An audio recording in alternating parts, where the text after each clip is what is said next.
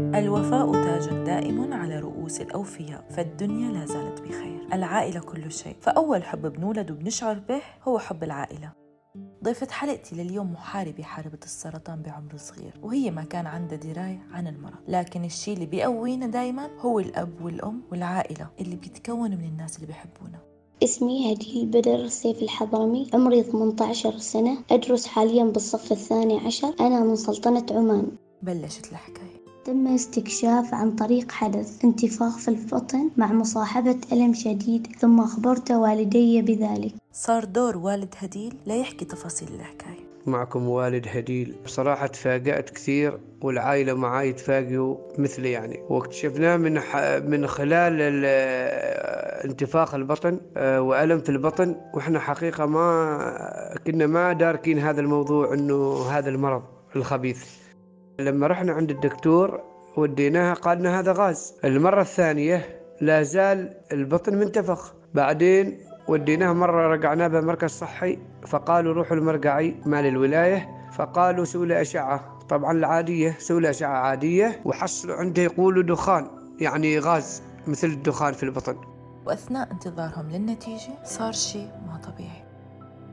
بعد ذلك آه، حقيقة رجعنا بها البيت وأعطونا حبوب. لما جينا وصلنا البيت آه، أنا رحت آه، طبعا اليوم الثاني رحت العمل. لما رحت العمل تفاجأت باتصال أمي جدة هديل. فاتصلت علي وقالت لي لازم تجي تأخذ هديل مستشفى. فانصدمت قلت لها ليش قالت هديل؟ عاد قامت تتقيأ اللون الأخضر. تقيؤ أكرمكم الله. ترخصت من المسؤول وجيت البيت شفت هديل حالتها صراحة لا يرثى لها. وبعد ذلك ذهبنا بها إلى مسقط. طبعا مع العائلة آه، أنا وزوجتي وأمي وأبي وبعض من آه، أهلنا وأخواني طبعا وبعض من آه، أهل البلد. فرافقونا إلى المستشفى وعملوا لها هناك حصلنا دكتورة. قالت الدكتورة بسوي لها أشعة تلفزيون. لما سووا له عشاء على التلفزيون نحن ما عارفين يعني إيش بالضبط فيها هديل. وبعد ما صارت الفحوصات أدق صار لازم يعرفوا النتيجة. فجاءت الدكتورة لما سوت الأشعة التلفزيونية حصلوا عندها أورام سرطانية الغدد الأنفاوية. فلما سووا فحوصات الدم بعد حصلوا عندها لوكيمة الدم. فصنفوه في المرحلة الرابعة. وعن ردة فعل هديل وتلقيها للخبر. كنت لا أعرف معنى السرطان لأن عمري كان صغير. هديل ما قدرت تستوعب الموضوع في البداية بسبب براءتها وطفولتها. لكن هلأ صار لازم تبلش رحلة علاجها وإصرارها لهزيمة السرطان. فبعثونا من هذاك المستشفى طبعا المرقع اللي في مسقط إلى مستشفى السلطاني. فحجزونا سرير المستشفى السلطاني فذهبنا للمستشفى السلطاني سيدي على العناية المركزية. دخلت العناية المركزية في غيبوبة ثلاثة أسابيع وفي هذه الفترة أخبرني والدي عملوا لي غسيل كلى والأطباء آه، بلغوا والدي بخطورة غسيل الكلى وبعد ذلك آه، عملت عملية جراحية في البطن واستخرجوا 600 جرام من السرطان. لما رحنا العناية المركزية طبعا هديل دخلت في غيبوبة. حقيقة تفاجأنا جميعا. إنه هديل هذيك النشطة وكانت نشطة كانت ما شاء الله عليها. لا تشكو من حاجة ابدا هذا المرض. جاء فجأة يعني. فعانينا الكثير في العناية. هي ثلاثة أسابيع وفي غيبوبة تامة تتنفس بالأجهزة الصناعية وطبعا بالسقايات المغذية فقط. وعن الأيام الصعبة لانتظار إنه هديل تصحى. جلسنا كثير في العناية ما يقارب أكثر من ثلاثة أسابيع تقريبا فقالت للطبيبة لازم نسوي لها إنه قابضه الكلى يعني تتأثر الكلى وما ويقبض عليها المرض كثير يعني يتبلغ فيها المرض لازم غسيله. وطبعا الغسيل بموافقة والدين هديل. وقعنا حقيقة ولي الأمر الأول وأنا وقع. قالوا ترى عاد إذا صار له فشل أنت تتحمل مسؤولية. قلت له أنا أتحمل مسؤولية. وش أسوي يعني؟ ما بيدي ما ما في ما في اليد حيلة. طبعا وسووا له غسيل كلى.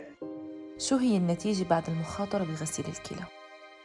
خلصت الغسيل الكلى الحمد لله تمت بنجاح. بشروني الحمد لله نجحت وما تأثرت والحمد لله دخلوا لها مرة في العناية وهي تراها في غيبوبة. آه، طبعا وجايوني مرة ثانية قالوا لازم عملية جراحية. العملية الجراحية في البطن وحقيقة نصدمنا كيف عملية جراحية؟ الحين غسيل كلى وبعدين مرة عملية جراحية. قال نستأصل الورم من داخل نخفف لأن البطن يعني منتفخة كثير. وايش يسوي تمسك بالأمل يعني بعد ذلك ودوها طبعا غرفة العمليات آه، وعملوا لها العملية الجراحية واستعصلوا منها 600 جرام نص كيلو وفايق بعد 100 جرام فتأثرت هذه الحقيقة كثير قلت لهم ليش ما استأصلته كامل؟ قالوا كامل لأنه بيصير له نزيف نخاف عن البنت يصير لها نزيف داخلي وبتموت.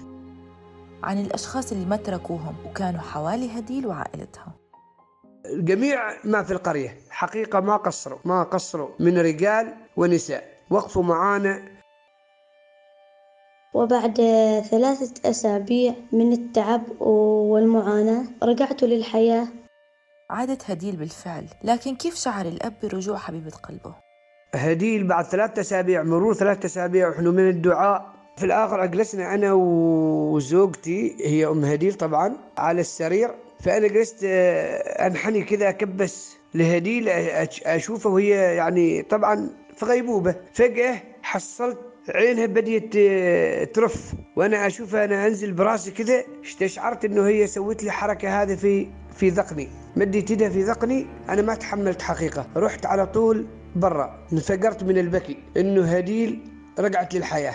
والحمد لله رب العالمين. جيت زوجتي مسرعة طبعا آه، تشوفني ويش في فقلت البشرى هديل رجعت للحياة. قالت لي كيف عرفت؟ قلت لها إيماني بالله قوي. وهذا الحركة اللي سويتها هديل عندي استشعرت فيها رسالة من رب السماء. فبالفعل لما جيوا الأطباء حصلوها هديل بديت تستفيق. فبشروني. قلت لهم أن البشرى واصلتنا قبل من رب العالمين. الحمد لله رب العالمين. نشكر الله ونحمده. صار وقت الكيماوي. وبدأت رحلتي آه، بالعلاج مع الكيماوي.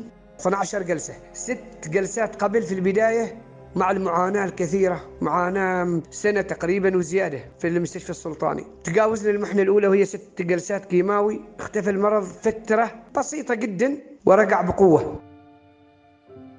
الحكاية ما خلصت بعد ما دخلت هديل بغيبوبة لمدة ثلاث أسابيع وإجراء غسيل كلى وعملية لإستئصال جزء من السرطان أفاقت هديل وبدأت رحلة الكيماوي لكن للأسف ذهب السرطان الخبيث وعاد مرة أخرى بشراسة وقوة شو حيصير يا ترى؟ شو تصرف الأب؟ هل استطاعت هديل إنها تستمد القوة والأمل مرة أخرى؟ استنى الجزء الثاني من حكايتها كنت معكم أنا غيداء مراد آغا سلام